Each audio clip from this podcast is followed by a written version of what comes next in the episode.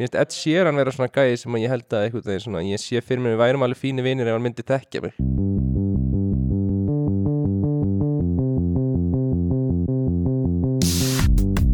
Halló er eitthvað að frétta Já það er ekkert að frétta Já það er ekkert að frétta Ekkert að frétta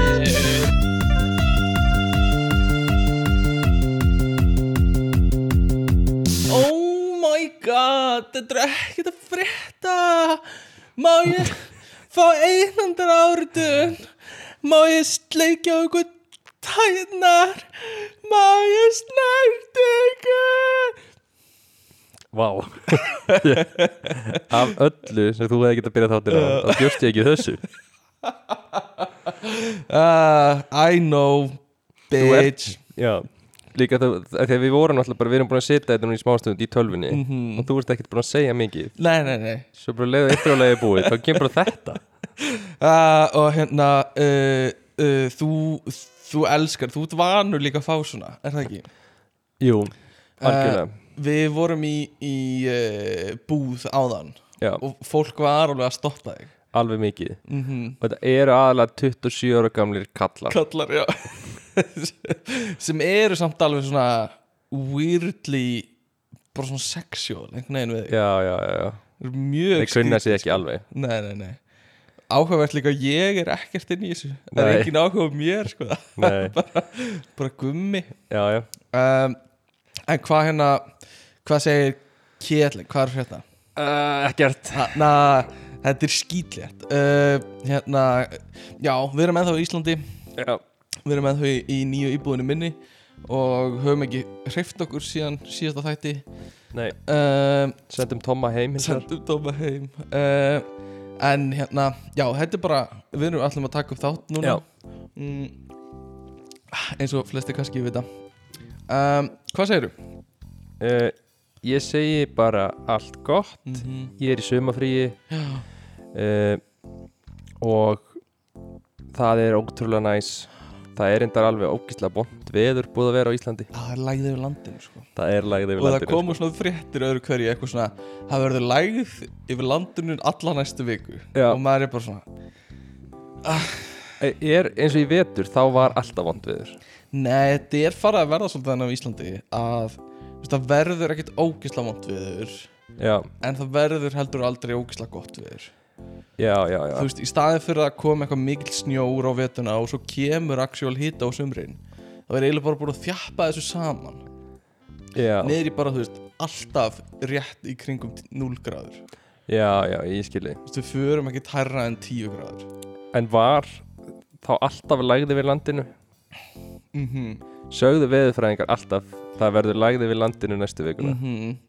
og það er líka bara svona eitthvað maður heyrir eitthvað svona já, það er hæðasvæði hérna yfir uh, Noregi sem uh, þinnist svo út og verður lægð yfir Íslandi eitthvað svona, bara, það er svona maður heyrir af öllu í Já. kringum hann er svona gott viður eru Og svo- byrjaðir að segja bara frá veðrinu eitthvað annar staðar já, til að æfa sig já, til að æfa sig búin að gleyma hvernig ég er að reporta gott viður nei, það er bara já, æ, þetta er ekki næs um, en hérna uh, já, við fórum, herri, við fórum saman á æfingu já, að Ah, ég tók þið með mér á, á kraftliftingaræfingu tveir strongmens samankomnir ég er ekki fucking strongman ég er búin að, se- ég er búin að, ég er búin að segja þér þetta þetta er powerlifting já, ekki strongman. olimpískar powerlifting Nei, nei, hætta Þetta er ekki olimpíska liftingar Þetta er powerlifting já. uh, Þau vil ekki lega okkur að koma á olimpíuleikana Um, já, þetta er mjög áverð þú tókst með æfingu Mhm. í virkilega flottum sal fyrir Já, svona í nýja íþróttúsinu já, nýja íðatúsinu í Garðabæ um, það var Garðabæ líkt af öllum tækjunum þarna Það inni. var svolítið, þetta er allt glæ nýtt sko Já. Og hérna, uh, þú veist, með svona uh, uh, sjálfstæðis erninum Já, já. já allt blátt Já, og svo er svona enga þjón fyrir alla Já, sem já. kemur með hanglaði En þetta er mjög áhugavert, ég náttúrulega, ég er í fyrsta lagi náttúrulega niðurlegur með við dittnar. Herðum, já Ymmit Þá- Sko, ég ætla að bjóða þér með mér Já, á æfingu uh, En þú veist ég er ekkert viss hvernig reglunur eru með að bjóða fólki Já, Þú veist, ég, eh, sennilega ekkert mál að fá bara einhvern gest til að Mm. koma með þessu æfingu uh, en ég var ekkert alveg viss um það já, þannig ég sagði bara við þig eitthvað svona, við bara, þú, þú segist bara vera að koma með mér já eitthvað, Sem að gefur það til kynna að ég eigi að segja einhverjum já, já að ég sé að koma já, já, og fá að pröfa mm það var ítla útskýrt hjá mér uh, en þú einhvern veginn gönnar bara upp að afgriðslinni Já, sem ég ger aldrei, ég labba bara alltaf inn já, skilurðu. já, og hérna, og þú eitthvað já, hérna, á ég að borga fyrir eitthvað já, já sem er- ég, ég spurði Mm. uh, Eru þið með einhvern svona pröfutíma er þetta að kaupa stakatíma Já, En það sem gerir þetta verst af öllu var í staðin fyrir að leifa honum að segja já, nei, það er ekkit svoleiðis þá stendur þú svona tíu metra fyrir aftar og kallar á mig hvað ertu að gera já, já, já, ég bara verð að byggjast einulega afsökunar á þessu uh, Ég byggjast einulega afsökunar bara á þessu uh, já, já, Ég bara panikaði smá já, já, já, Ég bara hugsaði uh, hvað ef að þeir hleypa okkur ekki inn allt í einu eða já, já. eitthvað svona þú panikaður og þín viðbröð voru að öskra á mig Hvað er þetta að gera? og, og hérna uh, og svo sagði ég bara við þau "Nei, hann er bara gestur hjá mér já, hann er bara gestur hjá mér já, já, hann er bara gestur og mér en við komst inn og það er það sem að var fyrir öllu Eh, en mín spurning er eiginlega sko þú ætla núna að verða svona massaður gaur já, værir til í að vera alveg bara svona vel massaður hversu massaður værir til í að vera um, ég væri til í að vera svona, svona vera ógislega sterkur en ekkert endilega lít út fyrir að vera eitthvað ógislega sterkur Er Eh, svona Magnús Skeving massaður já, sem er alveg bara svona frekar já eðlur vöxtur en er alveg svona mér langar að ko- koma á óvart, skilur já þú vilt svona rífa þig úr stutturhamabólnum nei, ekki, ekki útlitslega, skilur wow. en mér langar að sé svona ekki að fólk horfa á mig og hugsi þessi gæi getur ekki tekið 200 í back og svo Hmm. get ég tekið 150 já, heldur mér langar að hugsi þessi gæi tekur nú ekki mikið meir en 100 já, og svo tekið 130 já, já, já, já, já. skilur ég skil þig Hmm. þannig að nú er ég orðin hérna svona, svona hérna, power, powerlifter þú ert orðin það sko Já. og hérna eftir, þessa- eftir eina æfing- það maður er orðin eftir eina æfingu skilur já, og hún er búin að endast mér alveg síðustu dag Já, já, algjörlega og hérna uh, æ, ég veit ekki, mér, þú ert með svona, bara svona grind skilur sem væri hægt að hlaða svolítið mikið að vöðum á sko já, einmitt þannig að hérna, mjadmabreiður og ég er svona peran sko, lítið uppur body strength en rosaleg læri svakalega læri sko þú er búin að vera að tala samt um að byrja að hjóla, að þið langi í svona racer hjól já, til að svona íta undir peru vakstalega Já, svona fá aðeins stærri rass og já, nei, mér, mér langar eiginlega bara að hjóla af því að, að því að ég held að sko, ef þú hleypur þú getur ekki blandað þú veist, göngutúr og hlaup mm, eru annað er einhvern veginn of hæg hreyfing, já. of lítil hreyfing Mm en þú getur alveg farið langar vegalengdir ef þú tekur við tími það já, svo er hlaup þannig að þú getur ekkert farið það langar vegalengdir nei, en það er ógislega mikil áreynsla já mér finnst hjól svona fullkomum millivegur á sightseeing og hreyfingu ég skil Þannig að þú getur farið, þú veist, á milli borga mm, í Hollandi og hjóla það Já. og það er hreyfing en líka þú ert að fá að sjá þú veist, þú ert að fara á milli borga þú ert líka að ferðast Mér finnst það góð punktur Ef ég má stinga upp á Hefur hugsað um svona Flintstones bíl Uh, ég hef hugsað um Flintstonsbíl, já. já. Ég held að það sé svona líka Frá góður mittlugur Að ég hleyp bara, Já, já. um mitt uh, Nei, ok, já Á hjól, Það er náttúrulega í Hollandi er mjög næs að hjóla sko. Já. engin, engin fjöll og Nei, engar skeppnur og engin skrýmsli nei, Eins ekki og svo hérna. hérna. Ekki eins og hér uh, Nei, hérna þetta, er- Ég bara segja, þetta er bara svona einn af þessum þáttum skilur Það sem Já. maður er bara svona einn af þessum þáttum Já, skilur já, það er bara eins og það er. Og oft minna en áður. Og þú veist, það er bara ekkit alltaf En Nei, stundum, er bara Mjög skilur. oft stundum. Mjög oft stundum, skilur Já. uh, Herðu, fólk var svolítið hrifið af hérna, þessu sem við settum í Instagram já, ég var líka mjög hrifin að því. Já, um mitt Og hérna, við, við fengum tvo nýja fylgjendur Ég Já. veit ekki hvort það er eftir þetta En mér langar að halda það Já, og láta okkur vita ef við viljið sjá meira eitthvað svona Já, hvað þið viljið sjá ég vil allavega sjá meira Ég hefði mjög gaman að ég Já. Þrátt fyrir ég náttúrulega stóð bara bak við myndaverna Þá hefði ég mjög gaman að ég að gera það Já, þetta var mjög skemmtilegt um, Herðu, Er, le- sást þú þegar þú varst núna að leiki í þessu já um, Hugsaði þetta bara sem svona Þetta er eitthvað fyndið, ég get sett á Instagramið Eða er svona smá vonarglæta í þér um að kannski verður svona headhuntaður Nei, ah, a- inn í stærri hlutverk alls ekki það sko. ég, held að sé, ég held að sé meira uh, ef það væri eitthvað og ég er alls ekki að segja að Já. sé Búist, bara landi frá að segja að sé en ef það væri eitthvað frekar svona þú veist að fólk tæki eftir podcastinu sko.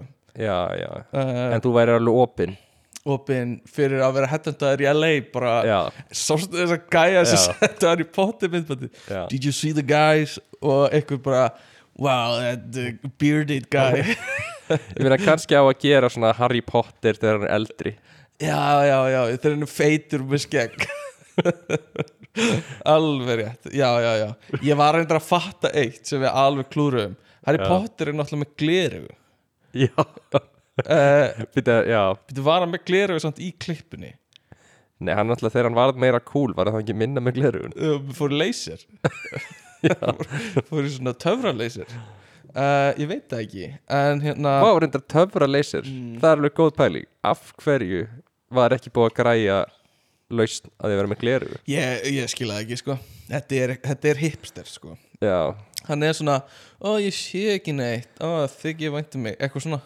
Í já, staði fyrir bara að fara og láta veif einhverju töfraspölda fram í þessu og laga þetta skilur já Þetta var bara fyrir hérna atrið í fyrstu myndinni mm, þegar að hann slæðir á hann um glerugun Dölli hérna já, einmitt, ég veit ekkert hvað það tala um Gerði hann það ekki? Nei, held ekki Eða þú Var veist, það ekki, ekki gæti þegar hann, var, alveg verið. þarna- þegar hann þarna endaði síðan á því að hann hrind honum frá mm, og hann misti glerugun og hann setur glerugun á sig og svo nær hann að galdra glerið í burtu frá snákabúrinu og döllit eftir ofan hann já var það svoleiðis, einmitt kannski ímyndaði mér allan glerugunpartina á þessu atriði Það gæti verið, eða ég meina, já, ég mann þetta ekki nógu vel til að leira þetta, sko Nei. um, En hérna, uh, hvað voru að tala um? Já, að vera headhunter í LA Þú veist, jú, jú, það var alveg gaman já, uh, ég er einmitt, þú veist, ég er að fara að hætta í vinnunum minni þannig að Já. ef einhver er hett, þá er fínt tími núna til að hætta enda mig, sko, emitt áður en ég byrja í nýju starfi uh, við vorum að tala um áðan hérna, þú veist, þegar við förum í atunum við til næst að hérna, hvernig ætlum við að tækla launamál, sko, já, og þú veist, ámar að segja bara ég fer ekki fram úr fyrir minn en miljón, já, bara, þú veist, ámar að skjóta hátt eða ámar að vera já, svona raunsær í því sem hún byður um já, emitt af því ég mun örgulega enda á því bara eitthvað svona já, hérna, Bara þessi þyfilið." takk, takk fyrir viðtalið hérna, og hvað, hérna, hver eru launin og þau eitthvað, já, það er 550 og, ég, já, ok, hérna flott, takk, takk eitthvað svona, og, en ég kem inn í viðtalið þá ætla ég að vera eitthvað svona já, hérna, miljón, takk já, mm, ég held að sé bara best að skjóta breiðu markið sko. já, getur verið en ekki skjóta yfir markið sem sérst heimskur já, skilurðu. bara þrjár miljónir þú veist og ég ætla að byrja í hálfum ég ætla að taka hálfum dag alltaf já. en fyndu svona þann nágranna sem er með hæstu launin mm, og farið allavega ekki neðar en það mm, mm. Nefnum þetta Já. sé eitthvað, þú veist, ég veit það ekki en hvað selur heldur þú mest er það mentunin eða reynslan eða að þú hafi gert eitthvað svipað uh, Eitthvað. Ég veit ég langar að heyra hvað þú tekur í back skiptir miklu máli já, En ég held, það væri helviti gott að heyra það en, uh, nei nei, ég, he- já, ég veit það ekki nei, Ég held að sé reynsla, sko en hvað með að þú ætti að sækja um backpressu prófara uh, Jú, en þú veist, backpressure prófari Ertu Já. þá, ertu þá, hvað ertu að prófa? er bara back, backin Já, og þarftu að taka eitthvað ógeðslega mikið til að prófa backin eða Æ, ég meina, sakar ekki að hafa eitthvað á stunginni, sko Nei, Ok, okay, jú, bara að gæti spyrja, verið skilu ég er bara að spyrja Þú mátt alveg segja nei Heldur að backpressure prófarar, þú veist, hvað myndir byggði í laun sem, nú ert þú atvinnu backpressure prófari mm Hvað myndir byggði í laun fyrir það? Fyrir að vera atvinnu backpressu prófari Já uh, Ég myndi taka þúsakall fyrir hvert kíló Já, Þannig að- það, þannig að f- fyrir hvert kíló fyrir hverja liftu já, getur ímyndar að þú hvernig væri það fyrir þig að þú fengir borgað fyrir hvert kíló já, það er spurning hvort myndum að taka bara stöngina biljónsunum ég held að þú myndir alltaf taka eitthvað þyngd sko. mm. hvað erum við að tala um? Þetta er ógisla skrítin umræða já, hvernig en komist við ykkar? ég veit það ekki það er bara einhvern veginn þú, veist, þú byrjaði þetta á því að við værum powerlifterar Já, og eitthvað já, og, og þeir tala svona ég tók eftir því þegar ég labbaði inn í rektina með já þér fyrstu, það er svona, það er svona þetta er svona lítið köld mm af fólki sem hittist þarna já, og, og, og það segir svona asnalega hluti eins og já. já, takk á því í dag og eitthvað já, þá takk á því og eitthvað svona ekki pása eins og síðast eða eitthvað svona Uh, já, ég skil hvað meina sko. Við segjum líka Já, hvað, hvað, hvað á að taka í dag? Já. Eh, Hvað á að taka? hvað Uh, á takk í dag hvað á að taka í dag? Og ég meina það er alltaf sama skilur, við. Við vitum alveg hvað á að taka í dag já, En maður spyr samt Já. um, Já, ég skil þig En hérna hvað er svona, ok mm, uh, nei, ég nenni ekki að fara í það umræðu Nei, sleppið þið bara hvað hérna Hvað, já, já, nei, nei nei, nei, Nei, nei uh, Nei, við vorum að tala um sko uh, Atvinnuvitul já, og laun já, og við erum alltaf á butlandi launum hérna hjá podcastinu uh, já en það er pláss fyrir meira ef það er einhver styrtaraðir hérna úti talandum, rauminn um, dagsins í dag er hvítur monster Há, monster ok, uh, og styrtaræðileg þáttarins í dag er hérna um, geð heilbriði geð helbrið geð heilbriði ertu heilbriður Geðveikt geðveikt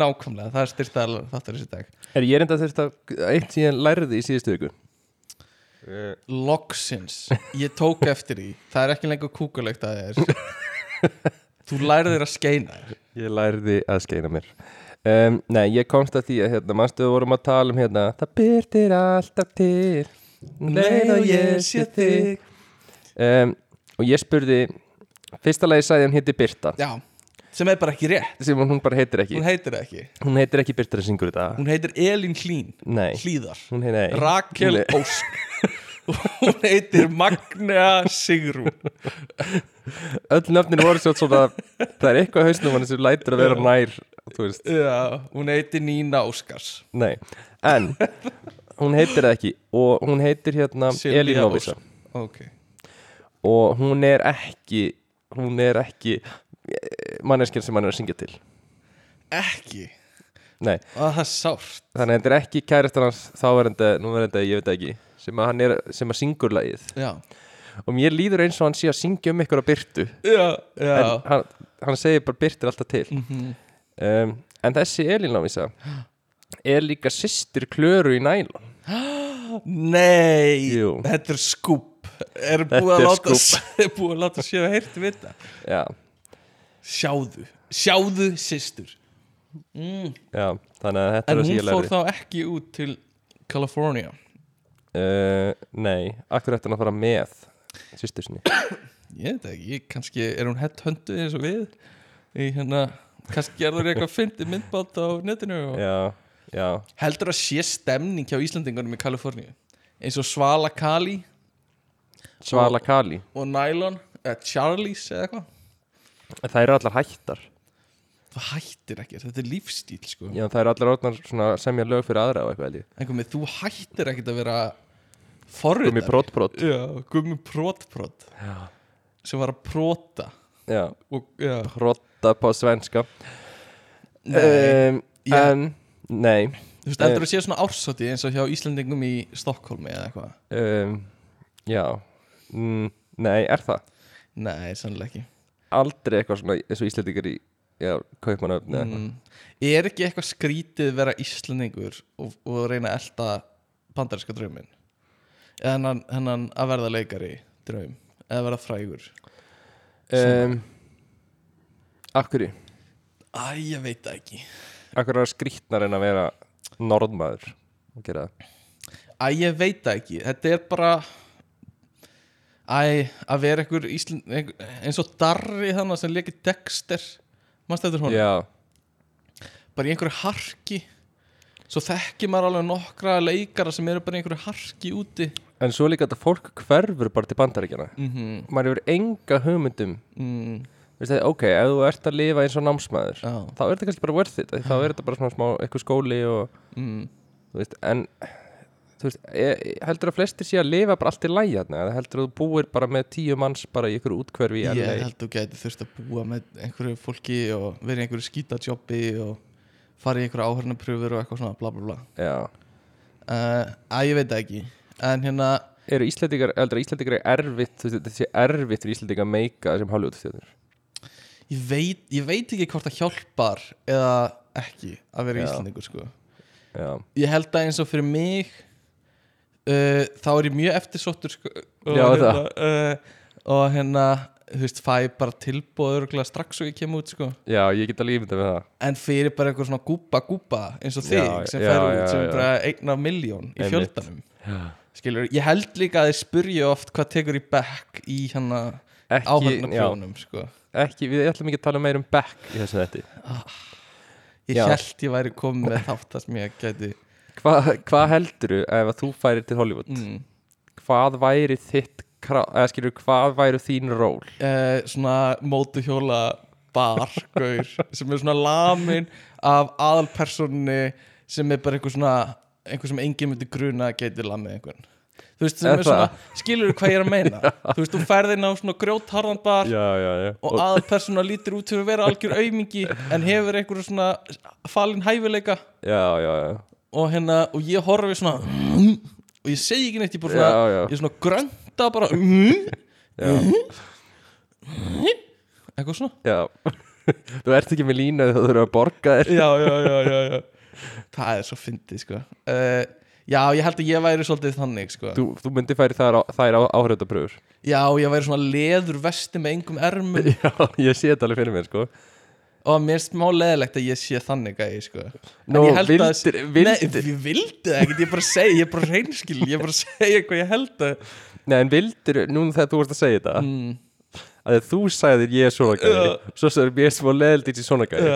varst að vonast til að í, í millitíðin er ég eitthvað svona Nei, nei, Stefán, þú Nei, ert það ég fór ekki bara að hugsa þetta Ég fór bara að hugsa þetta uh, en þú hefur náttúrulega, þú hefur leikið kind til dæmis, Já myndir þú sækja í annað kindalutverk uh, Ég leik náttúrulega kind við góðar undirtektir í, me í mentaskóla leikriti sko. já, uh, Já, veistu hún, ta- hún, Ég sko Hún, hún einhvern veginn svona hreyfði við mér sko, að leika kind sko. já, já, og þetta hlutverk talaði rosa mikið við mig sko. já uh, ég var svona getnaðarlega kind skilur, já, var það? já, Ég man, þú manst vel eftir því kannski þegar þú sást það uh, fyrsta, ég var að leik, leik, reyna það sko, að vera eins getnaðileg kind og ég já, mögulega bara þín upplifun af kindinni nei, nei, nei, ég, ég var stoppaður út á götu bara, hérna, eitthvað svona uh, viltu koma í orgíunum mína í Já. kindabúningnum og eitthvað svona það er eitthvað svona garðabæðarstemming já, já, já, það er eitthvað sem er í gangi í agrarkörfinu nei, við erum, það eru svona dýraorgíur, það sem allir eru dressaðir sem dýr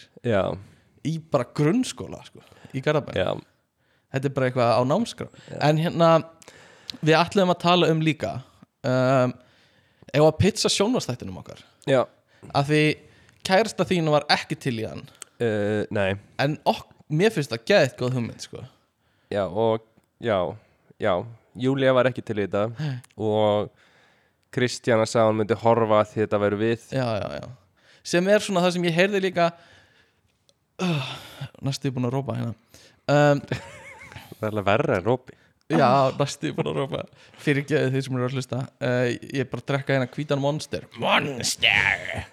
uh, hérna, nei sem er eiginlega verra af því ég heyrði þetta þegar við vorum að byrja með podcastið áður en við verðum svona ógisla frægir Já, að hérna áður en við fengum þú veist hérna, þú veist gæ- þurftum að telja á báðum höndum skilur já, já, þá hérna upp hlustenduna, þá hérna fengum við oft eitthvað svona, já mér finnst alveg gaman að hlusta en ég, bara af því þið eru vinni mínir, eitthvað svona já, ég er um já. ekkert vissum að þetta væri gaman eða það væri ekki vinni Nei, mínir maður fekk svona að heyra það og, og það er alveg svona stingur smá sko.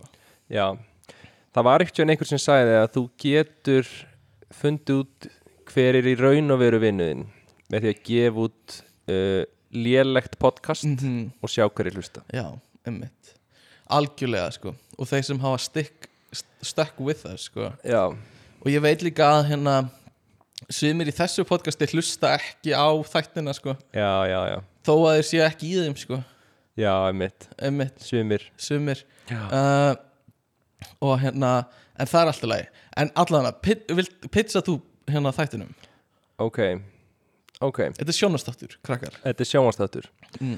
og til að gefa smá baksug á hérna, hvernig þessi hugmynd var til Mm var að ég og Stefan erum í sundi Já.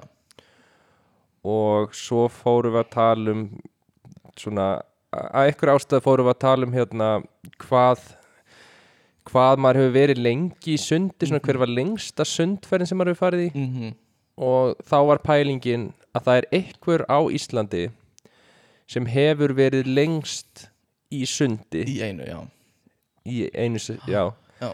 Af, hérna, af öllum á Íslandi það er einhver sem á Íslandsmetið í því Að vera að lengst, um vera lengst í sundi Já, án þess að nokkuð vita af því já.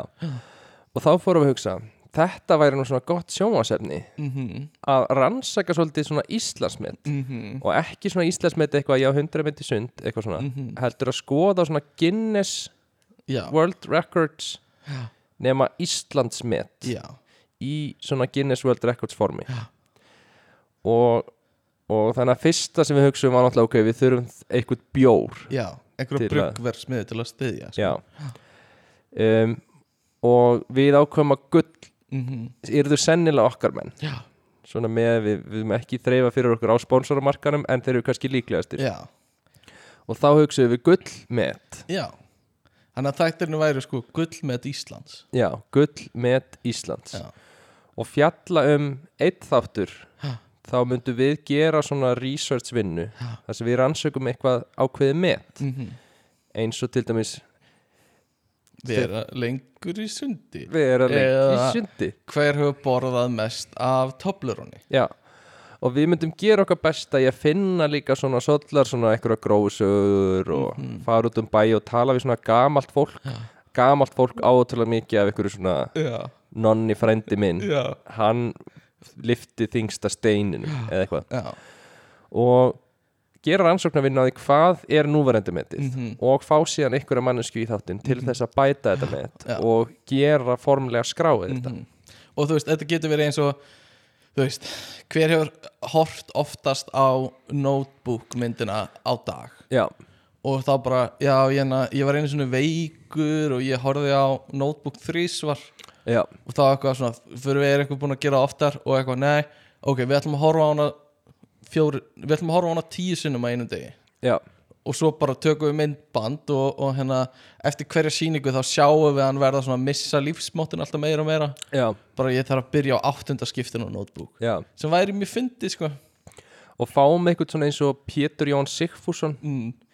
sem virðist taka af sér alveg urmul af lélögu sjónvansefni þessa dagana já, já, já fáum hann til að slá met Já, ymmit, ymmit Þannig að þetta væri gullmet Íslands og við, já, eitthvað svona smá stúpid með alltaf já, og, já, og fáum alltaf frækt fólk til að auka okkar publicity Já, á já, þetta. já, að sjálfsög Kára Stef, Kári Stef hver hefur greint mest af PCR prófum, eitthvað svona já, lá- það, já, við skulum hugsa aðeins meira Já, ok uh, En Júlia var ekkit rosa hrifin af þessu nei, uh, Þannig að við þurfum bara svona að fá uh, Við þurfum að fá eiru hjá einhverju sjónastöðum já, Þannig að endilega hjálpaðu okkur við það og hérna sendi post allir sem eru Já. að hlusta á Rúf og Stöð 2 já, og segi er geðveik hugmynd hérna já, algjörlega ég held að Júlia sé eiginlega bara hrætt við að ég verði ofrægur mm, mm, mm -hmm. svona vill hún ekki styðja svona Nei. góðar hugmyndir sko. Einmitt, einmitt, einmitt Ég held að líka Ég held að hún sé mjög hrætt við það Ég held að hún sé hrætt við að missa þig sko. já, já,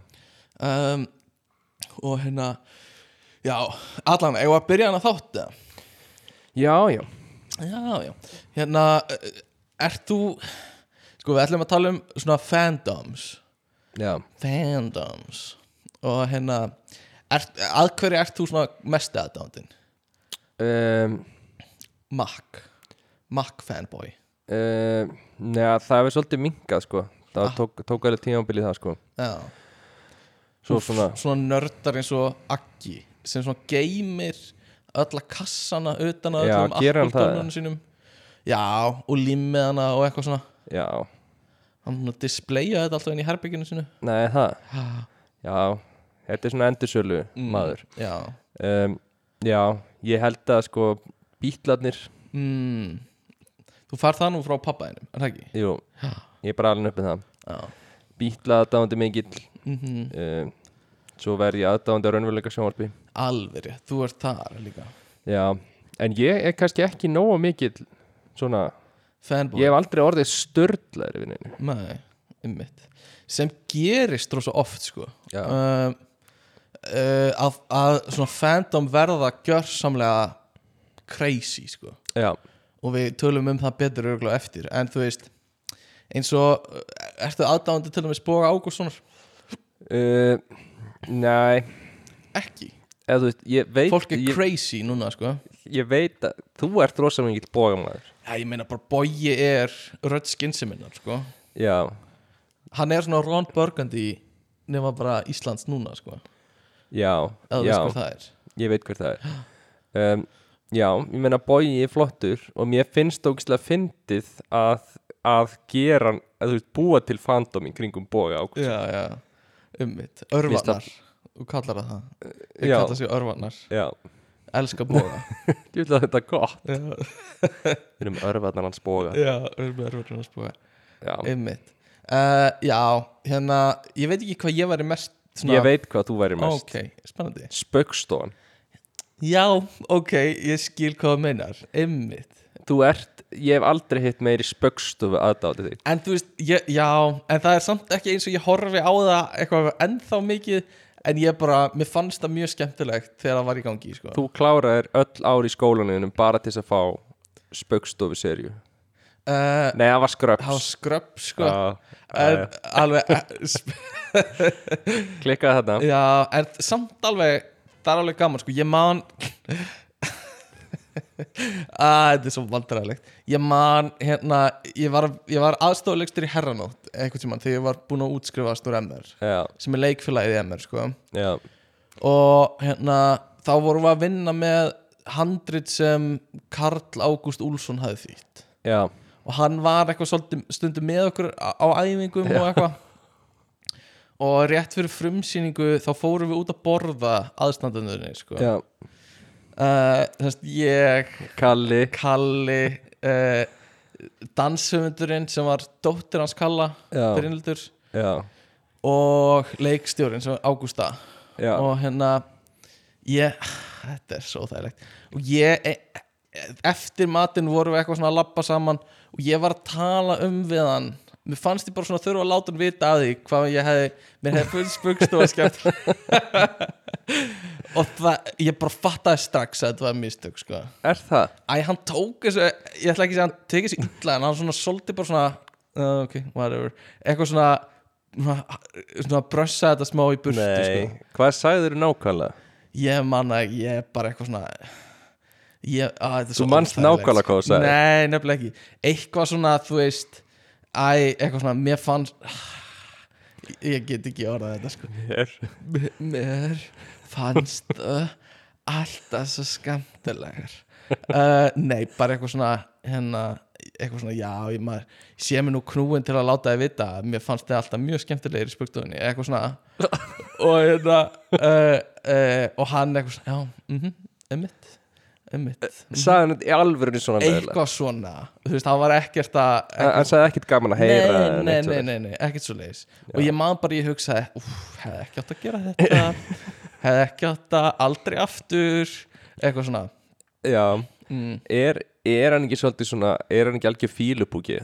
nei, nei, Er hann hann ekki svona Will Ferrell? nei, hann Steppi, kottu með eitthvað smá skúpum hvernig, hversu leiðilegur hann er hann hrækir á þjóna sem er að þjóna Nei, hann, eh, hann, er, hann var mjög fín sko. Já. og, og mikill, mikið indi sko. kannski, af því að Mm. þú ert svo ungur Já, þá tekur hann þessu sem þú veist, þú veist ekki að gera grín á hann heldur það þú veist, að ég að vera eitthvað Já. ég elska spaukstunum eitthvað, já, er mitt um, já, já, já Mm. þú, ver, þú varst ekki fættur þegar ég var upp á legend mitt besta og þú ert að minna mig á hvað ég er gamall þegar se- 70 nei, 87 stöðinni var eða eitthvað, eitthvað, bla bla bla Bla, bla, bla. Einmitt.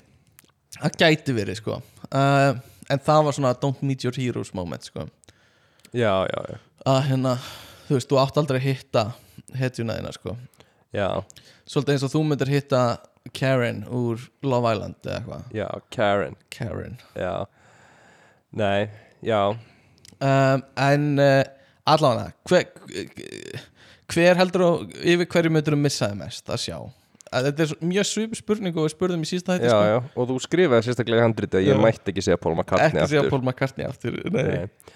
um, ég held að ég Þú veist, og, og, já, og aftur þú, veist, þú lendir á smá spjalli við manneskina og Já. hérna, þú veist, farið að rúnda saman eða eitthvað já ég veit ekki, minn, það væri kúla, þú veist, taka bara einhverja popstjörnu, sko, mm, bara Justin Bieber já, ymmit Eh, Ed Sheeran, sagði ég það ekki líki síðast þetta veit það ekki mér finnst Ed Nei. Sheeran vera svona gæði sem að ég held að einhvern veginn svona, ég sé fyrir mér við værum alveg fínir vinir ef hann myndi þekkja mig já, ymmit það er bara að kynnast mér já, Ég- það er bara að brjótist indilega það er bara að vita hver ég er hann elskar bjór og ég elskar bjór og ég hérna heyrði sögu uh, um daginn af hérna Fettel honum hérna Formule 1 gæðinum og hérna Formula er cool núna víst já, og uh, hann var á Íslandi eitthvað já, og fór inn í búð á laugaveginum já, og hérna það var einhver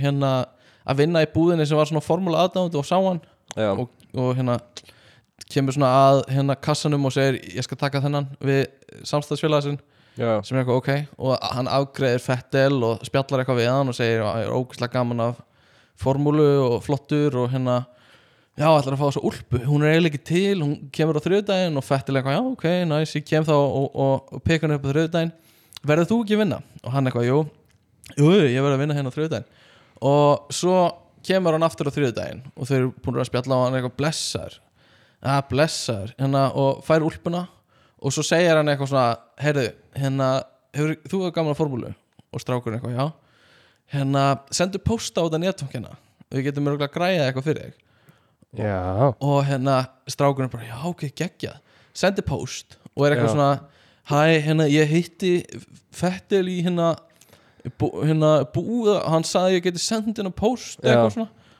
og þá fær hann svar sem er bara já, hæ, þetta er ég hérna, uh, nei ég skal bara græða fyrir þig ég græða miða fyrir þig á eitthvað á einhverju formúlukeppni eða eitthvað og hérna þú bara redda þér út og svo er bara miðið Er fyrir þetta að þig. meina? Já, hann bara bara einhver gaur sem hann hitt bara afgreitt hann í búð Aha, og hérna reddaði miða fyrir hann sko ok Hann er líka mjög næs Já, Hann er svona gæi sem að er að púla Þú veist, mm Mhm. næs down to earth fræga fólki já verðist vera sko En er þekki þú þessa manneski?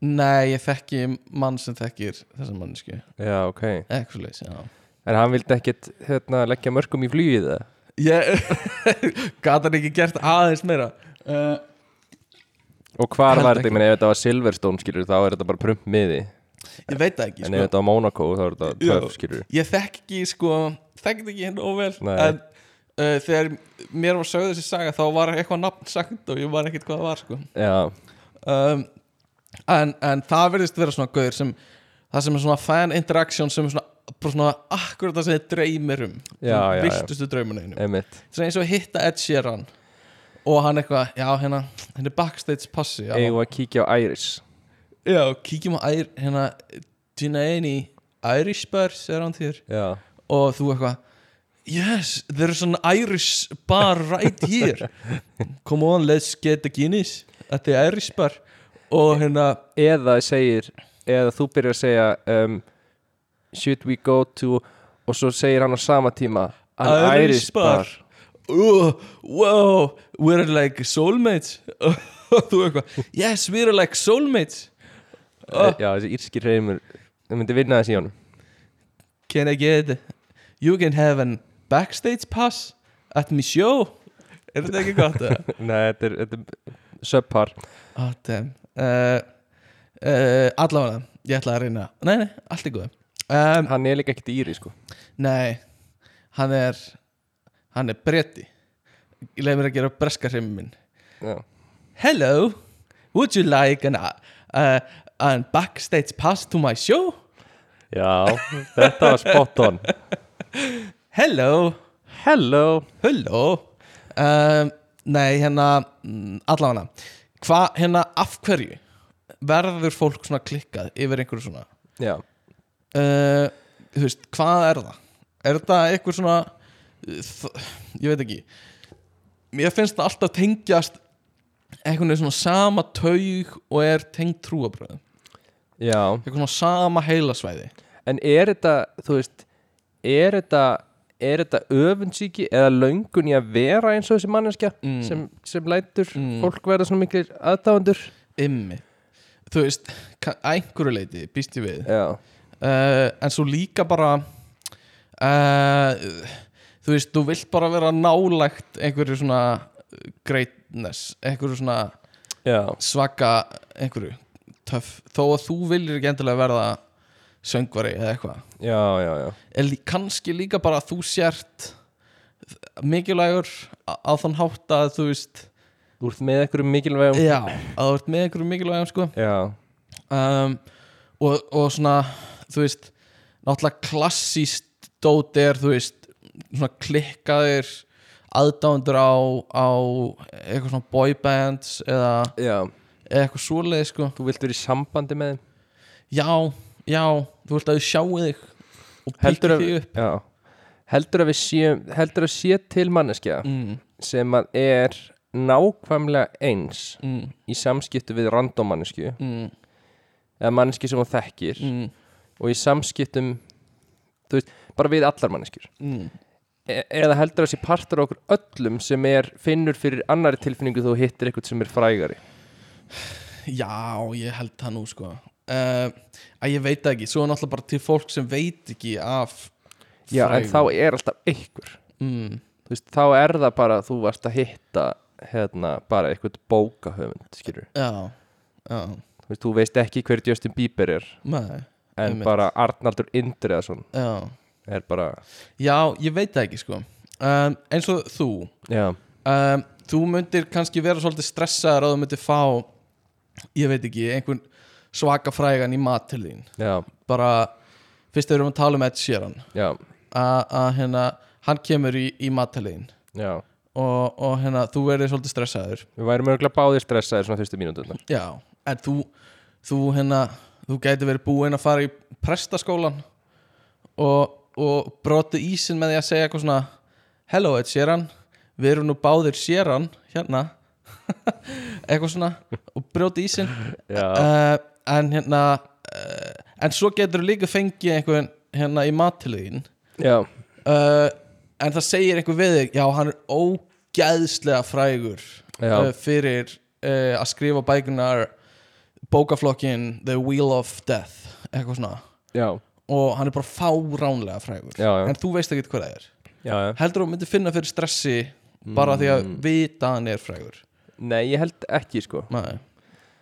um, en, það var, þú veist, það, ég, en það væri sem sagt alltaf einhver manneskja sem myndi láta mig finna fyrir þessu stressi skilur. já, já, einmitt um, ég væri rosa til í að hitta hérna að ég veit það ekki ég eh, veit ekki Búin að hitta Karl Ágúst Úlsson búin að, ég er búin að toppa hann alltaf þar sko. Já, Fórst með hann út að borða við fórum með hann út að borða en að uh, ég reyndar ekki að vera heim til hans eða hann hefur aldrei búið mér heim til sín ég hef nú alveg við erum Stoltar af þess- Hérna, kíkt aðeins á nætuna ég hef reyndar skutlað honum eða skutlað konunas heim til þeirra hm, bara að segja Býtu, Er þetta montaðið að þú skuttlaðir konun hans heim til þeirra já, mér var hann ekki búið inn en uh, Það er nú kannski ástæðan fyrir því að hann hefur verið svona kaldur þú veist að minnast á spöggstofun ef þú ert bara með konun hans bara eitthvað, já, hún meinar einhverju skuttli það er reyndar rétt Hver er konun hans?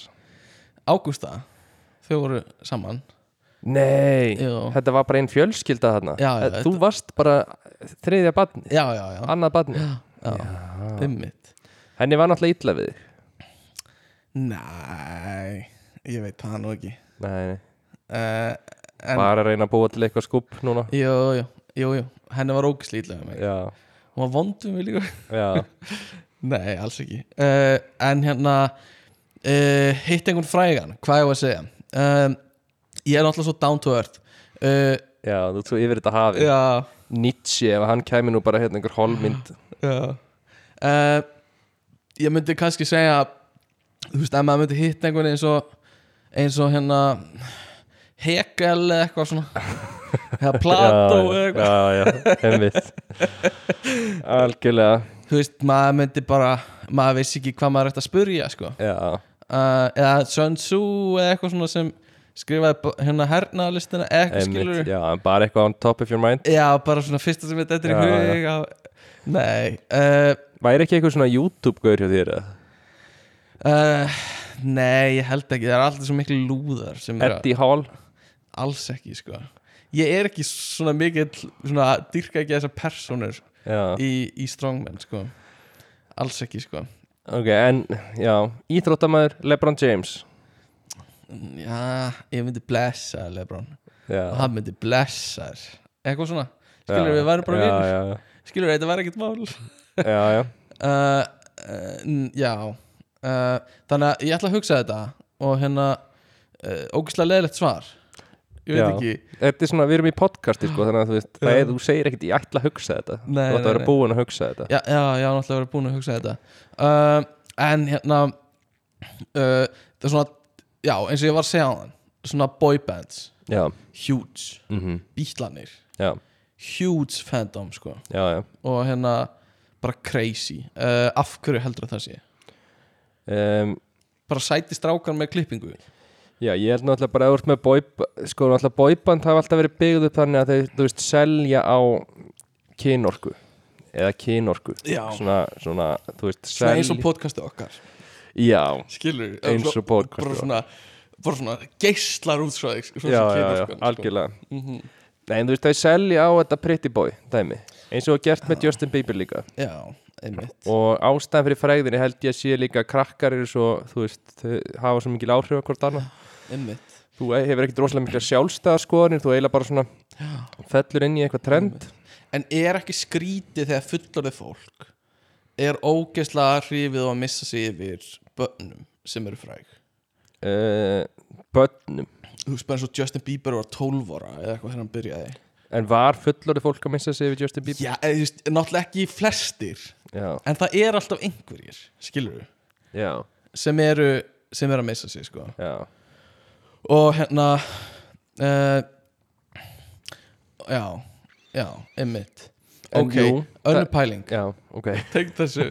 ég veit ekki hvort ég þóra að fara í þetta jú, jú, hérna uh, svona teng, tengdu þessu þú veist, þú ert þú ert uh, á jafngamall Justin Bieber Já, og þú ert rosa hrifin á honum uh, þegar þú ert yngri já, er ekki svona, þú ert svona skotin í honum ok, þú uh, stelpa uh, strákur Já, alveg sama, bara þú uh, Er ekki skrítið að vera skotin í sa, svona veit ekki hvert ég er að fara með þetta þegar þú verður eldri en þú ert ennþá bara rosa hrifin að því þegar hann var að leiki baby í myndbandarinu sínu Já, eða svona að þú li- eða bara að þú getur farið með þetta næ bara persónulega, skilur þú ert þú ert orðin eldri en þú ert ennþá að lifa á einhvern veginn að þú varst skotin í einhverju þegar þú varst 15 ára, já, skilur og þá var manneska líka 15 ára sem þú varst skotin í, en þú ert kannski orðin 25 ára og ert ennþá að hugsa um það skilur, jú, en þú veist En stundum er líka bara ást eh, hrifningstilfinningin er það sem þú ert í raun og veru að lifa á já, já Þannig að ekki það að þú sért hrifin af 15 ára gömlum Justin Bieber nei, ok Heldur þú ert hrifin af minningunum hvað þú varst yfir þig ástfóngin af 15 ára Justin Bieber, verandi 15 ára emmitt, reyndar ég meina fólk romantíserar alveg bara fyrstu ástina í lífinu sínu já, og fólk, þú veist, það er alveg margir sem geta verið sextur og bara muna eftir fyrstu ástin sem bara, já, já, það er líka svolítið það sem ég er að hugsa já, þú veist, það er kannski ekkit skrítið en þú veist, af því þú ert að hugsa um eitthvað sem er bara barn, skilur í hausnum að þér uh, nei, af því þú ert ekki að hugsa um eitthvað sem er bara barn þú ert að hugsa um tilfinningu sem þú upplifir sem barn já, já, kannski uh, en, en, en, en þú veist eins og Drake, Já. skilur hann var að grúma hann að litla stelpu sem legi Stranger Things Millie Bobby Brown, mannst ekki eftir þessu Nei, þau voru alltaf að send, Ha? senda ha. skilabóð á hvort annað þegar hún var bara 14 ára eða eitthvað var hann að grúma Næ, þetta er svona, þetta er svona næst því skilur, af hverju ætti hann að vera að reyna að vera vínur 14 ára stelpu sem 30 eitthvað ára söngvari Var þetta eitthvað, var þetta eitthvað kynferðislegt? eða? Nei, þau sögðu það náttúrulega ekki og langtalega ekki eitthvað þannig en það er líka það sem grúm, grúming er skilur það er ekki, byrjar ekki sem kynferðislegt þegar þú ert ung en þú svona vinnur það vinnur í hægin skilur Heldurðu að hann hefði verið að vinna í hægi? Nei, þetta var skrít Akkur, þú ert að bakka út með allt sem þú segir Nei, ég- já, af því ég veit ekkit hvort það var grúming en þetta var bara skrítið skilur Já, en ég minna, já En að þú veist, hann byrjaði að tóku upp á bjóðin á körfuboltaleiki eða eitthvað, ég man ekki Já, og hérna bara svona, þú veist hún var, já, af hverju ætti 30 eitthvað ára gæi að vera að reyna að vera vinur 14 ára stelpu af því að hún er mikill aðdáðandi og hann er bara, þú veist já, en hann var eins og hann væri en á, á eh, þú veist, það er skrítið ef að það er einhver stelpa sem er í nýjöndabæk að chilla með einhverjum gaur sem vinnur á kassagerðinu og er 35 ára skilur þú, að þau eru bara Eh. vinir er það ekki? Jú, en það er skrítið eins og Vettel já, Ef að þessi ma- strákur hérna, eða stelpa mm, í búðinni Var það strákur? já, Ef þessi strákur í búðinni hefði verið 15 ára já og hann hefði samt sendt honum e-mailið og bóðið honum á formúluleik mhm myndið finnst það skrítið Mm, já, eiginlega ef hann Já, er ok. undir átján sko.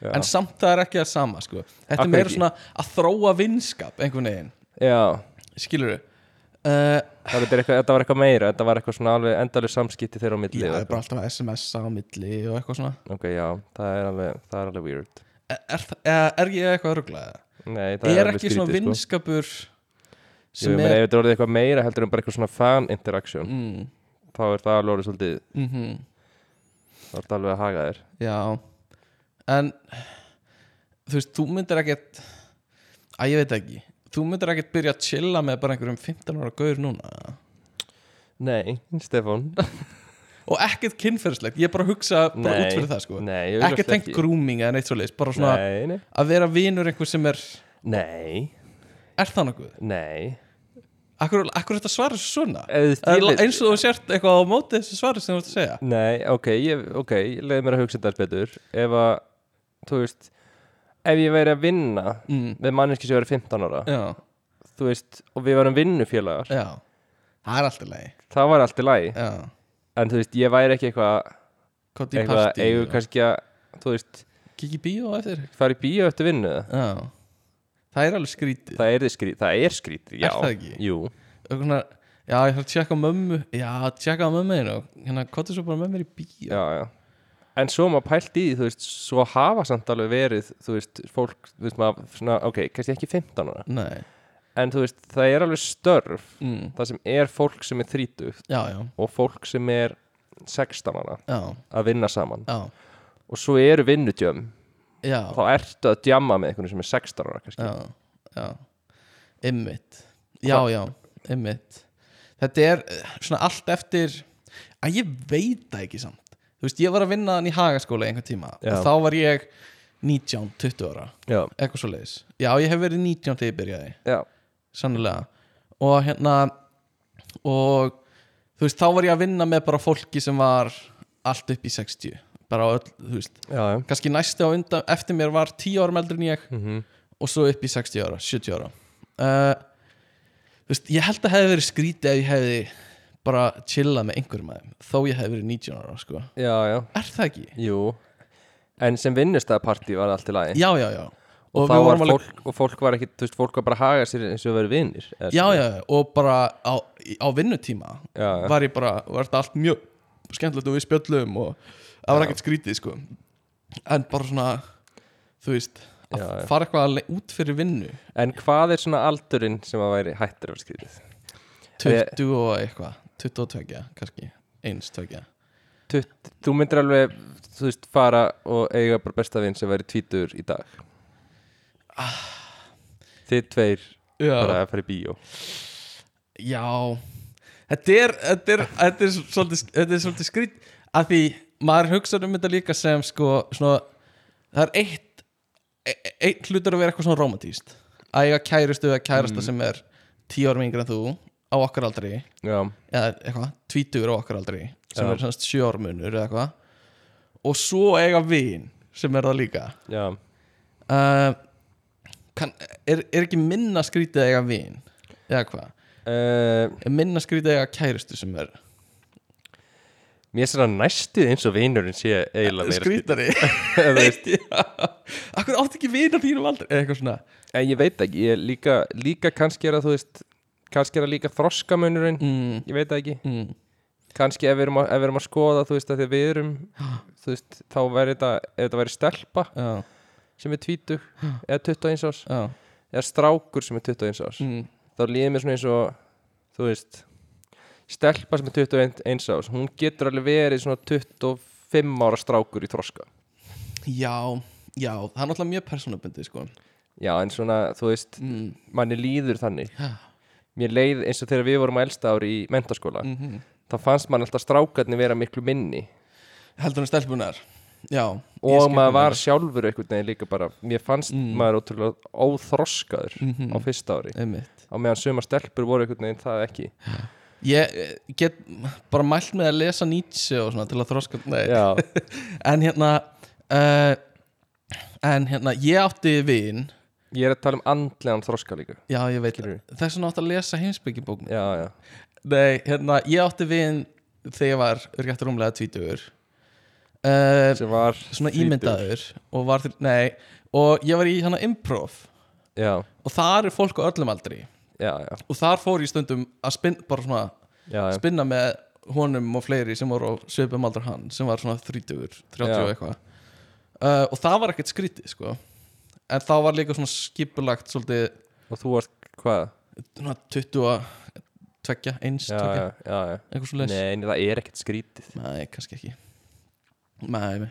La, ég, ég bara segi svona sko uh, allan að bítlanir eru þeir bara eins og hvert annað boyband nei, hot take, nei bítlanir eru bara One Direction síns tíma uh, sko um, nei nei, En ef þú setur það í, svona, í samhengi við hvað, þú veit, þá á þeim tíma, þá uh, voru er það mm, að því leita þeir voru fyrsta bara svona einhver geðveikin af s- bara aðalega ungar stelpur að missa sig og bara líða yfir þær og eitthvað. á Og voru svona fyrsta skitt sem eitthvað svona trendar einhverju svona, þú veist, trendar alveg sérstaklega útliti, hárstíl og svona vera fallir og vera að syngja lög um ástina og svo leiðis mhm þannig að þeir voru Að voru gera boyband allt, já, gera allt sem boyband er að gera í dag já, en á sama tíma náttúrulega bara alveg ógeðslega hæfilegur ekki tónlistamenn mm.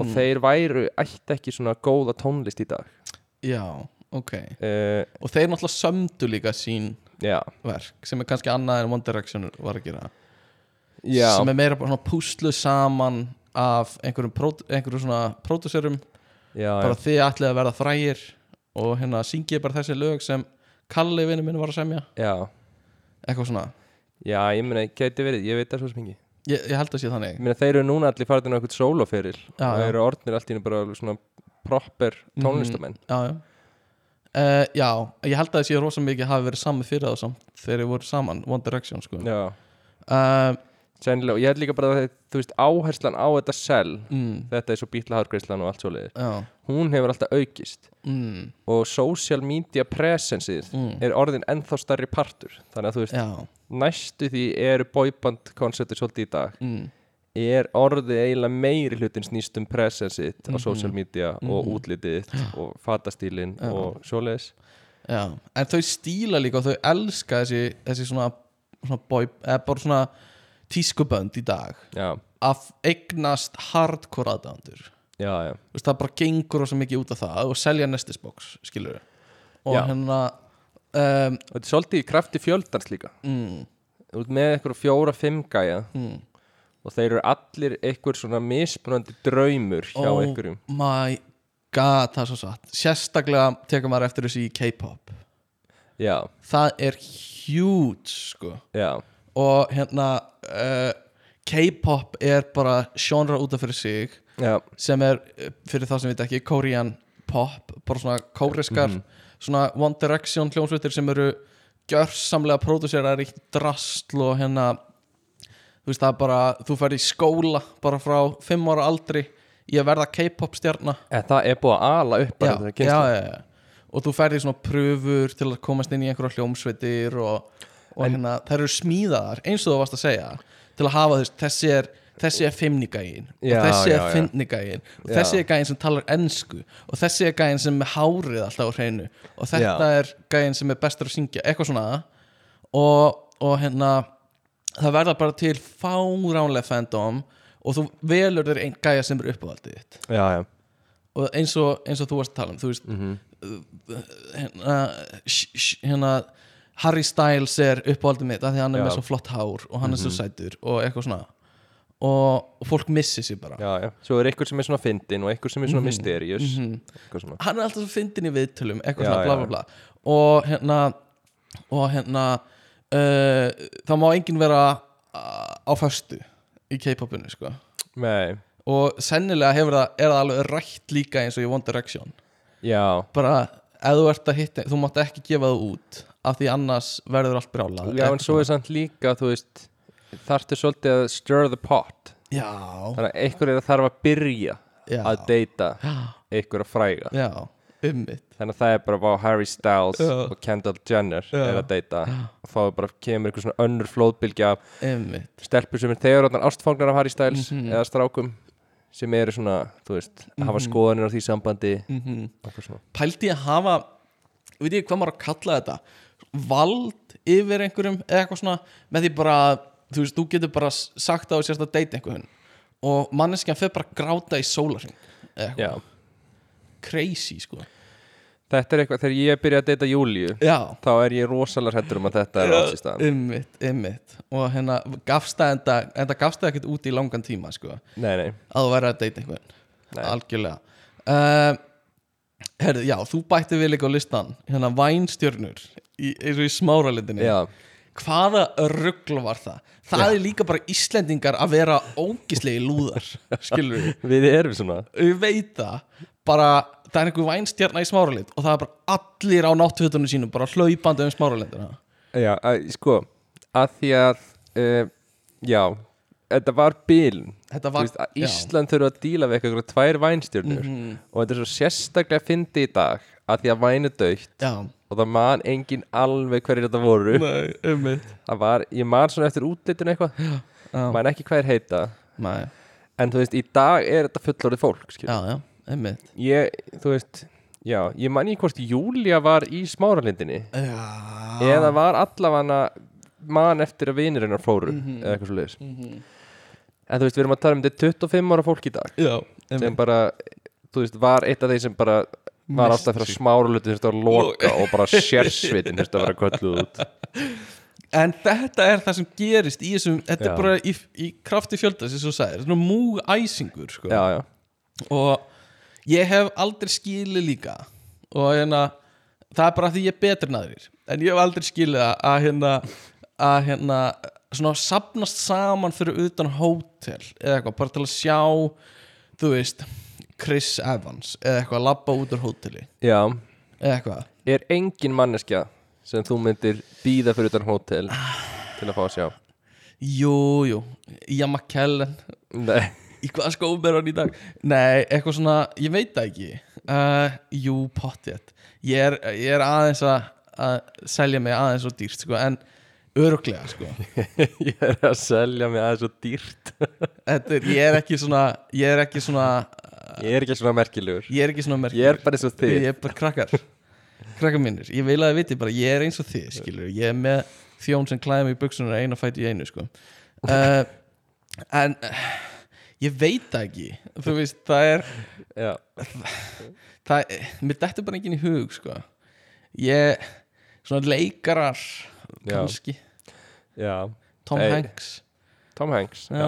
hann Þú er myndir flottur. alveg býða fyrir utan hótel Borg ef að Tom Hanks var að koma næstu tvo tíma Já, hei Tommy, hérna var ógíslega hrifin af Forrest Gump Já. bara að láta það vita Og þú fær Karl August Olsson viðbröfið í já, ah, ok, flott já, já.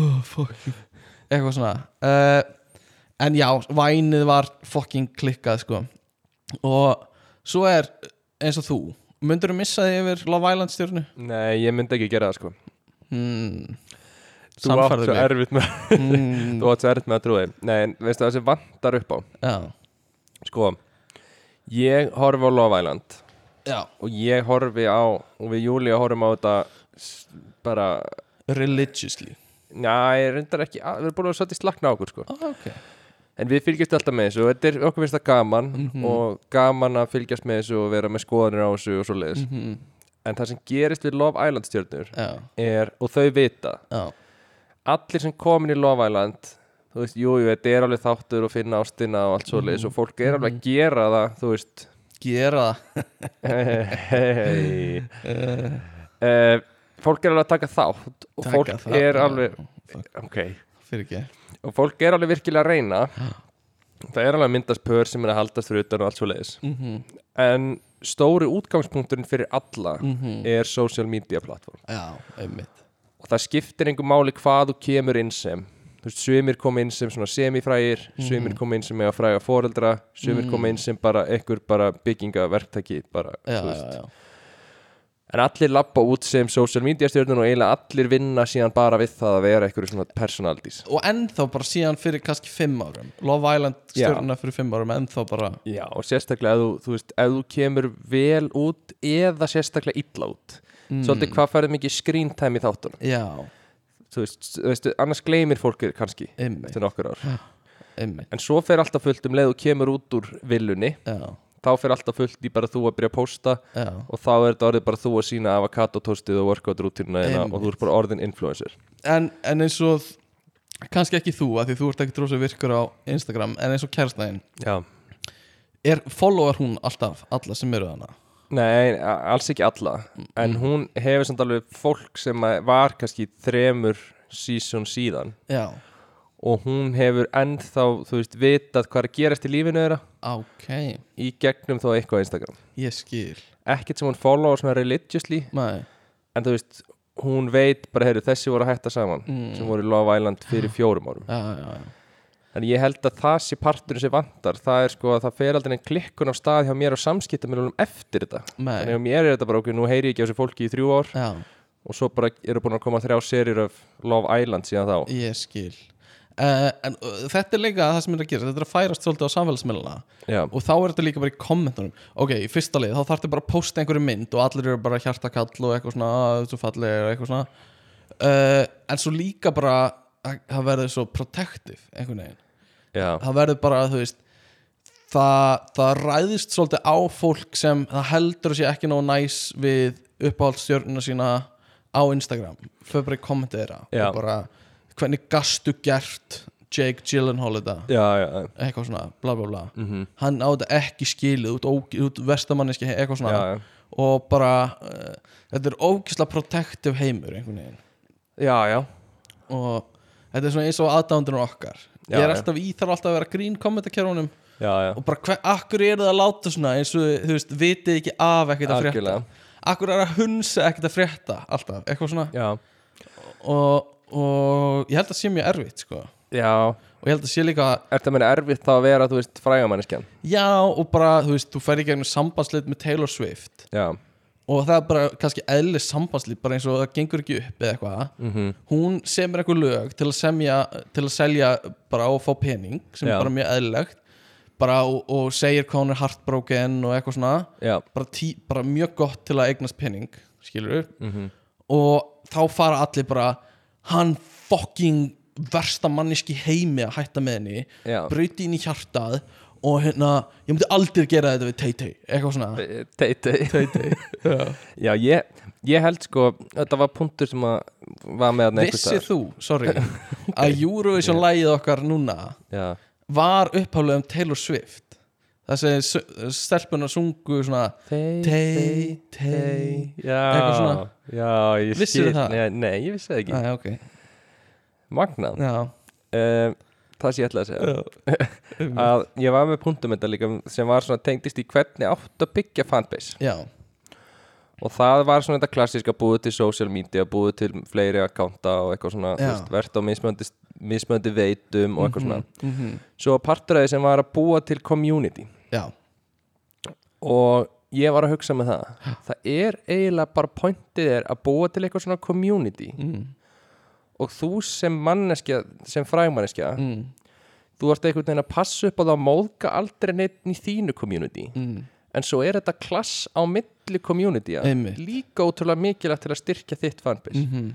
þannig þú veist f- þetta sem varst að lýsa þú veist, að fara og skammast yfir einhverjum öðrum Mhm. frægum aðila því að hann sagði eitthvað eða gerði eitthvað við þinn hóp Já.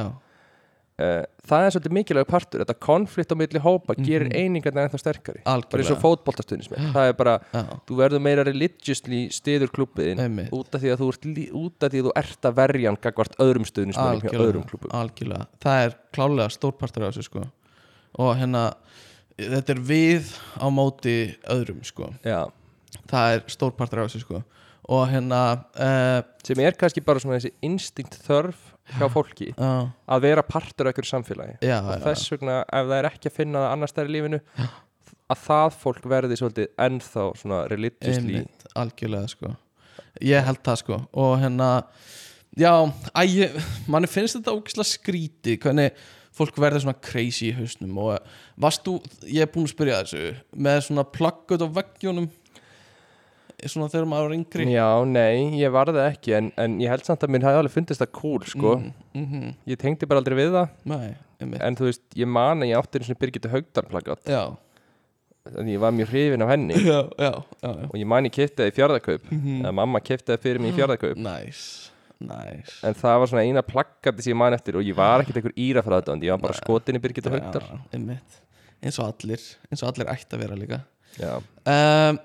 Sko Aðdáendur vísindamanna já, Þetta er mjög fyndin pæling já, Eru vísindamenn með svona brjála aðdáendur líka já. Sem a- kannski af einhverjum, af öllum Ættu kannski vísindamenn að vera með já, já, Gera svona mikilvæga vinnu já en þú veist, er er svona já, Þú veist, það eru stjörnur eins og Hawking já, já, En það, það var ekkert eitthvað brjála þannig séð sko nei og oft verða vísindamenn svona, þeir verða held ég stjörnur hjá ákveðnu fólki Mm. ef þeir eru með eitthvað sem er nógu kontroversial Já, kannski, einmitt eða nógu svona edgy, skilur, svolítið eins og Jordan Peterson Já, hann er vísindamæður já, en hann verður svolítið frægur út af því að hann tekur svona slægi sem Já. að eru ekki þú veist, hann, hann svona verður frægur og fær einhvern svona ákveðin hóp í kringu sig út af því að hann er að taka umræður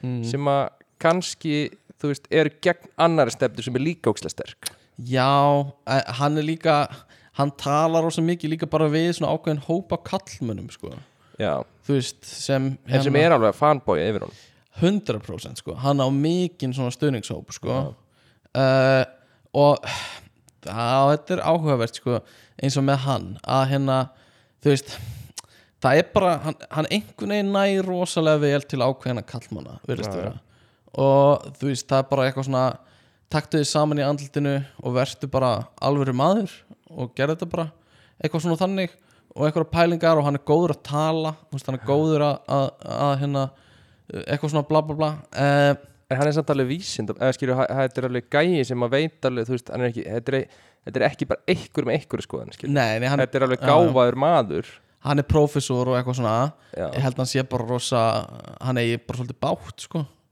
Já. ég held að, held að hann sé bara svolítið já, ég held að hún líða ekki rosa vel sko.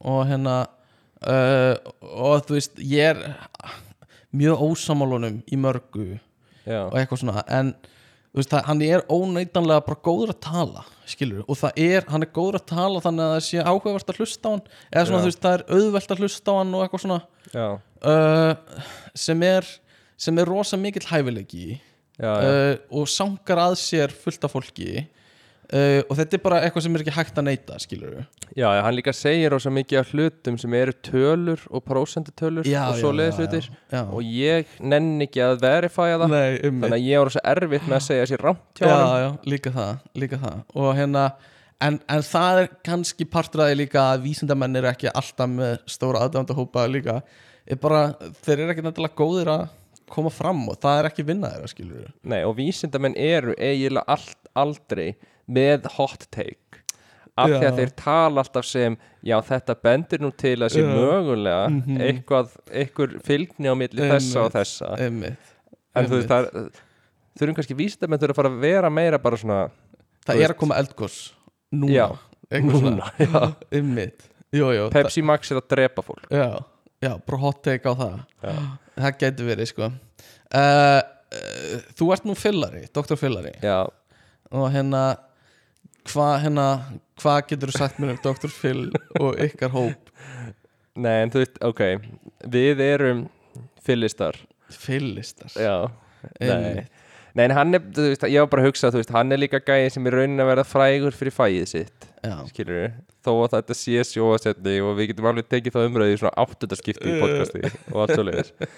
En þú veist, og þetta er eins og með lækna líka, Mm, Þú veist, það eru til lækna þættir og svona, já, já, þannig að það er alveg til vísindamenn Mm. sem eru frægir mm, fyrir það að vera vísindamenn, mhm, mhm, en samt, já, mm. Dr. Pimple Popper What a vísindamæður Dr. Miami, hitta það ekki, lítið að gera gæðin. Lítið að gera, já, Já. einmitt Jú, jú, algjörlega En það er líka fólk sem virðist vera ágætt að koma fram og tala Já, Þú veist, Það er partur af dótinu líka, sko en er, þú veist, er vísindamæður sem á e, sko að því að þarna er náttúrulega það sem ég ætlaði líka sem er Dr. Phil og líka Mhm. þú veist, Jordan Peterson og þessar lækna í Mhm. þessum lækna þáttum og svona mm, þú ert samt sjónvastjarna Já, eða podcastjarna eða eitthvað svo leiðis já þú ert ekki bara frægur fyrir vísinda mm, fyrir að vera vísindamæður þú Nei. ert frægur fyrir, þú veist, personalityð þitt Já, þannig að er til manneskja sem er bara vísindamæður en er með alveg sjúkt fanbase sem bara býður eftir ykkur publications í ykkur mm. tímariti mm. mm. Hawking var náttúrulega svolítið þannig er það, Já, hann var það Ei. Alveg, já er það Já, ég myndi alveg segja hann er það ekki svona á setni árum Jó, kannski meira, sko En allt, bara allan tíman frá því við fættumst var hann heldur að hafi verið fólk bara að grenja eða sá Stephen Hawking og, og rúla fram hjá sér Uh, uh, já, ég hugsa það Ég hugsa það sko Ég hugsa það þessi til fólk sem var með Stephen Hawking postera sko og upp á vegg og eitthvað svona hvernig er hvernig, hvernig mynd er s- þú veist, Stephen Hawking poster mm -hmm. hvernig er það hvernig lítur út Þú veist, hann er á uppækjum stól með einhverju svona spinning felgum og eitthvað svona Já, uh, og hérna spinning felgur uh, Það og þú veist kapsirast mjög vel á pósteri Já, og hann er eitthvað svona textin er eitthvað svona Hawking Everything uh, Theory Everything Theory hérna, hérna uh, uh, I'm a Hawking og, og hérna I'm a proud Hawking og það er svona king í staðan fyrir þú veist Haw Hawking allan, ég veit ekki Hvað verður?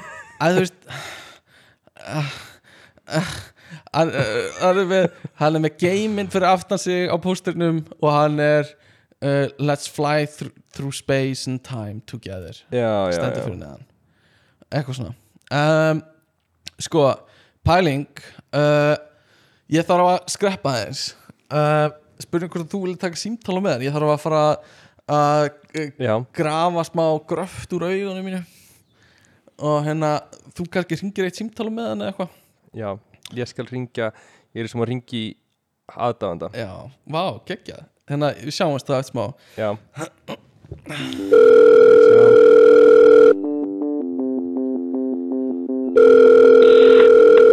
Halló er eitthvað að frétta Já, halló Já, góðan daginn Halló hver- Hæ Hver er þú? Ég, ég, ég allir kallað mig Göldur Göldur Já, Ok, og hvað er þetta Er þetta alveg ný Er þetta alveg ný þú Já, Vá þú ert aðdáðanda af podcastinu, eða ekki? Já, Já, sko, ógæslega mikið. Já, Ve, veistu, veistu hvað, ég, ég, ég kalla þér. Eh, göldur Göld, ekkert að frétta göldur. Ekkert að frétta göldurinn Já, Ok, og hver kallaði þetta? já, allir já, á, s- á söpurhöttinu okkar. Ok, Ekkert, enga frétti heita það. ok og, og ég bara, ég trú ekki að þetta hingi mig loksins, ég er alltaf að horfa á þig Horfa á mig, hvað er þetta að horfa á mig?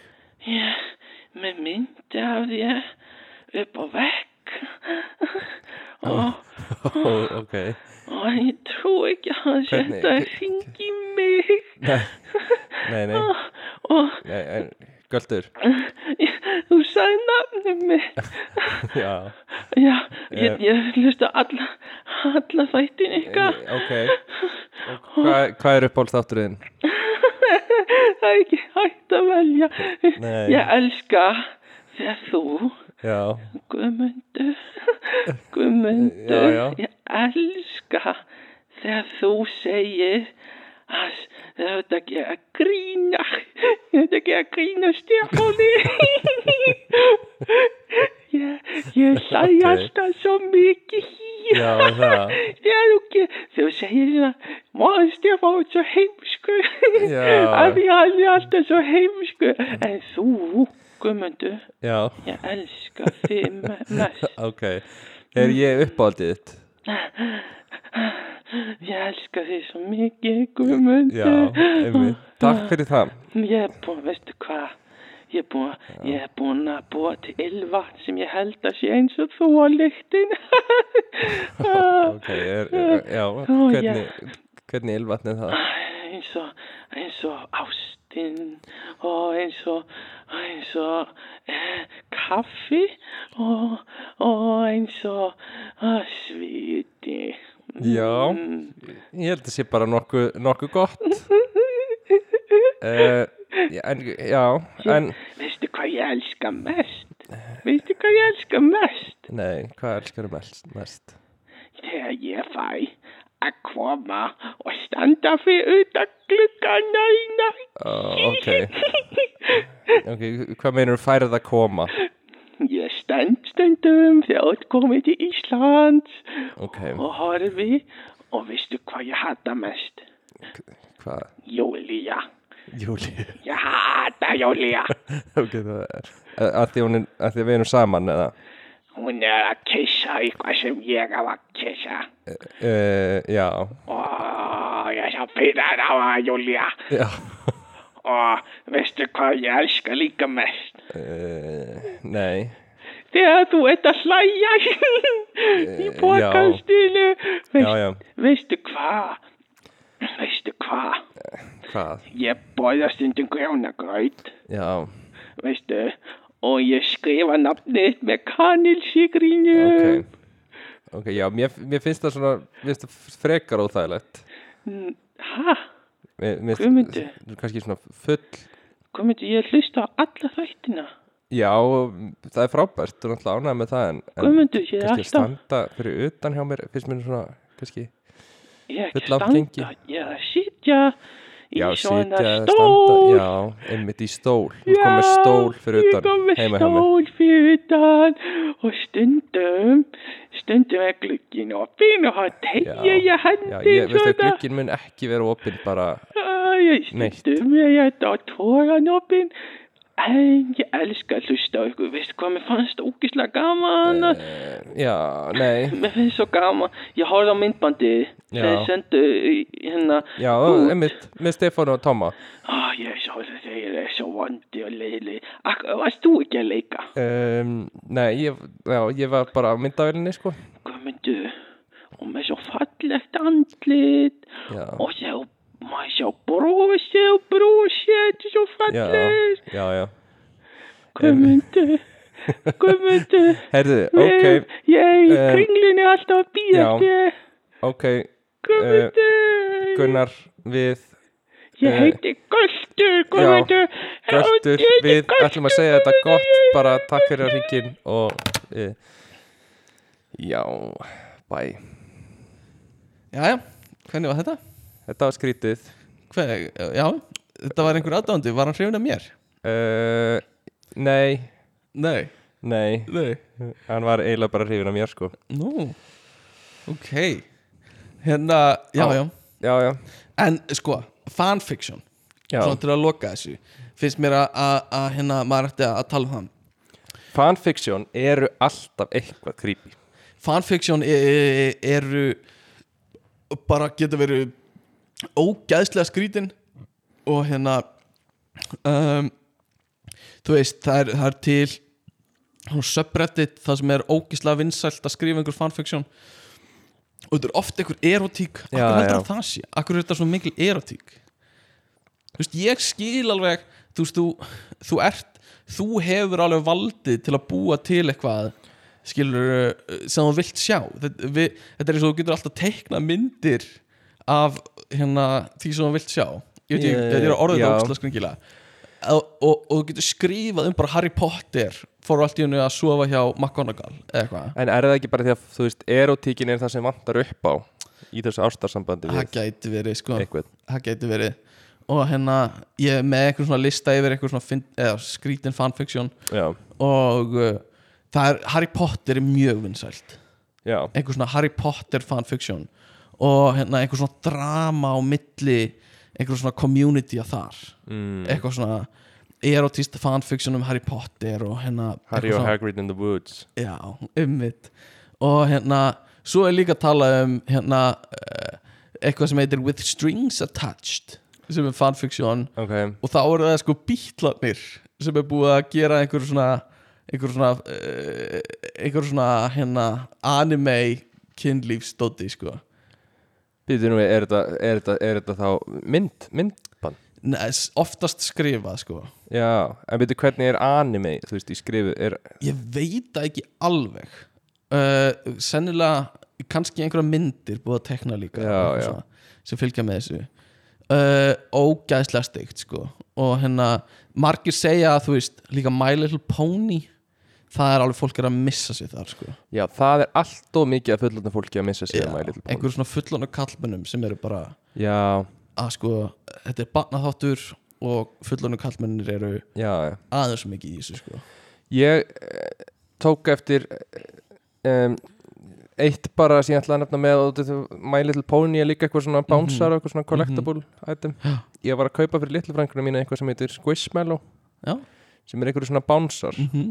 og já sjö, nei ég er mikið inn í þessu og hún var eitthvað búin að segja mér bara svona já, eitthvað svona er, þetta er fyndnir og þú veist, þetta fá svona eitt sem er burrito og eitthvað svona já, og svo var ég að leita þessi í Hollandi og alla búðið sem ég fór í var bara eitthvað svona venjulegur já. og ég er ekki, akkur get ég ekki fundið eitthvað þetta síðan að myndir eitthvað um hambúrgurum og eitthvað svona, þú veist, eitthvað sem henni veist fyndið Já, og svo fór ég að skoða þetta og ég endaði bara eitthvað um reddit þræði, já, bara fullorðið fólk að taka mynd úr herbygginu sínu, það sem að rúmið þeirra er fullt af squishmallow já, og eru að skrifa eitthvað eins og uh, bara já eitthvað þó að sé nú mikill skortur í Hollandi á Squishmallow og þau eru endar ánar ég fann þennan til að bæta í safnið ég veist bara hversu pirrandi já Að kaupa upp barnadóttur já, að kaupa Einmitt. barnadóttu ég, Það sem ég skil ekki Og ég vil ekki vera að dæma Af því þetta getur verið margar ástæði fyrir þessu En ég er svona, átta mig ekki alveg á þessu yfirleitt Er,